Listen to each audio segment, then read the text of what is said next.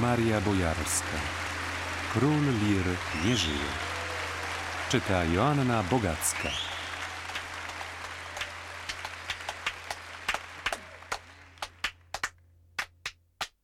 Część dygnitarskich przywilejów spadała również na mnie, milczącą i niekomunikatywną narzeczoną. Dzieliłam stadziem przywilej wiedzy o środowisku. Wiedziałam, kto doniósł na pluskwę, wiedziałam w ogóle, kto donosił i na kogo. Wiedziałam, kto usiłował donosić, kto lubił donosić. Wiedziałam, kto próbował kiedyś pontonem przepłynąć Bałtyk w poszukiwaniu wolności i komu na plaży nad tym samym Bałtykiem z zamajtek wypadł nagle kompromitujący nagan. Wiedziałam, kto z kim żył i jakie miał z tego korzyści. Wiedziałam, kto i za co brał pieniądze. Wiedziałam, którą z bezkompromisowych działaczek Solidarności jeszcze niedawno gorąco protegowali towarzysze wysokich instancji partyjnych. Wiedziałam, kto z porządnych na pozór ludzi chyłkiem podlizywał się władzy. Kto mianowanego rektora straszył swymi kontaktami w bezpiece. Kto proponował dwuznaczne sojusze i przeciw komu. Na co mi była ta śmieszna i straszna wiedza? Na nic. Jednym uchem wlatywało, drugim wylatywało. Taki jest świat. Taka jest natura ludzka. Każdy może być Anselmem. I co na to poradzić? W pewnym sensie wiedziałam może więcej od Tadzia. Mogłam to wszystko traktować z dystansem. Za nic nie byłam odpowiedzialna. Opowiadał mi kiedyś o swoim rektorskim kłopocie. Co ma zrobić, gdy studenci skarżą się na profesora X, niezłego aktora, że źle uczy? Gdyby zgodził się z opinią studentów i nie przedłużył kontraktu profesorowi X, tamtemu przez myśl by nie przeszło, że źle uczy. Przenigdy znalazłby o niebo przyjemniejsze tłumaczenie. Jest niebezpieczny dla partii i reżimu. Jest lepszym od innych aktorem i nauczycielem.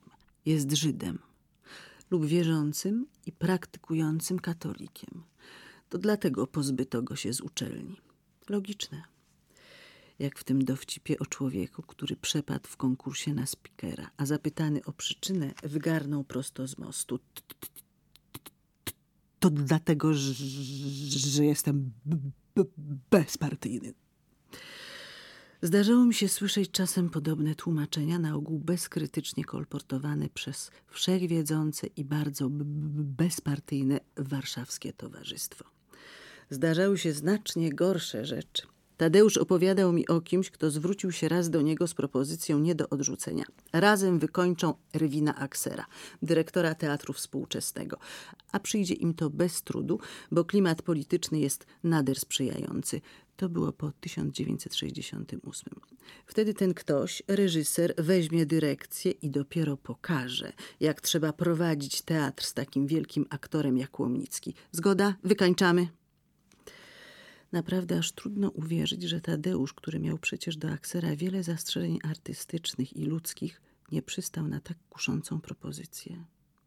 Trudno uwierzyć. Tym trudniej, że rozmówca, odwrotnie niż Tadzio, wcale nie trzymał całej sprawy w sekrecie. Przeciwnie, w trosce o swoją reputację musiał chyba o niej mówić na prawo i lewo z dobrym skutkiem. Bo znacznie później Jurek Markuszewski, dusza warszawskiego towarzystwa, miał mnie oświecić. Tadzio usiłował niestety wykorzystać marzec 1968 i wykończyć Aksera swego dobroczyńcę.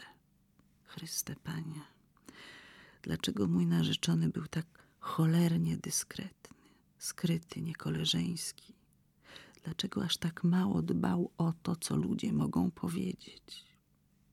Pycha? Być może. A może dziecięca naiwność? albo bezbronność. Wielcy oszuści wieszają pomniejszych, zgaduj zgadula. Kto jest sędzią, a kto złodziejem? Błazeńska farsa.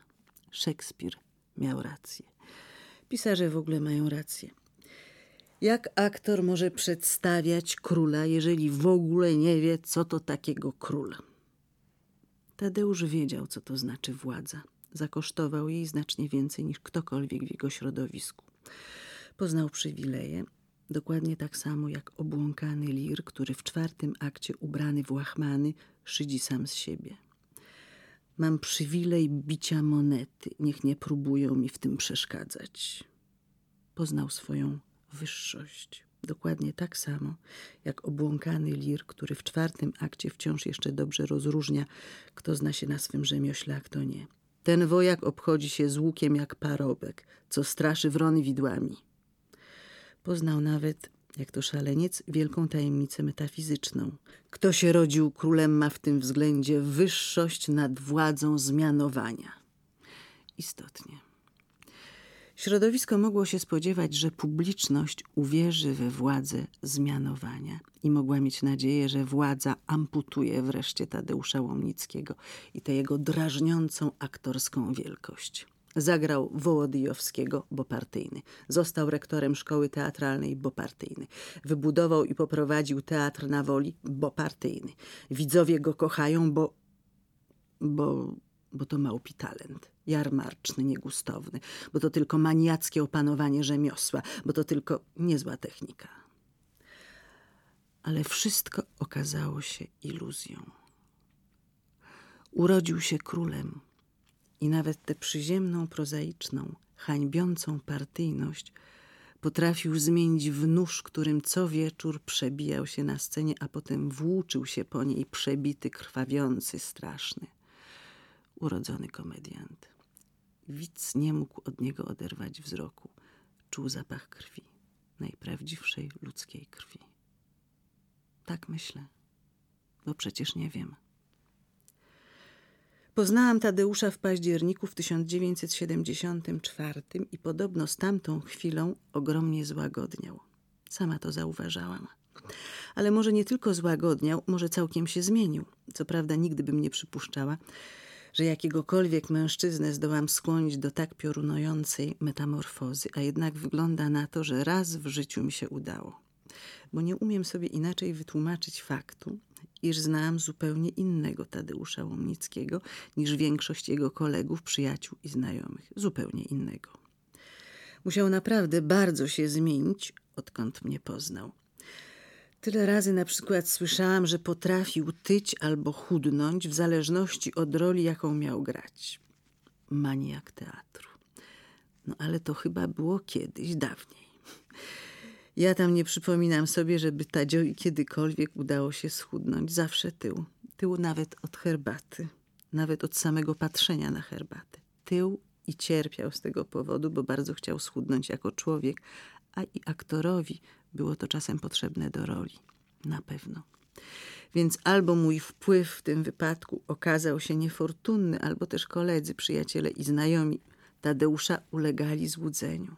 W zależności od roli, Tadeusz po prostu umiał wydać się na scenie chudszy lub grubszy, lżejszy lub cięższy, nieporuszony niczym głaz, lub leciutki jak piórko jak to komediant. I niewykluczone, że środowisku, jakiejś części środowiska, wygodniej i przyjemniej było uznać to za dowód chorobliwej determinacji życiowo-teatralnej niż za wielkość aktorską. Doprawdy nieludzki aktor.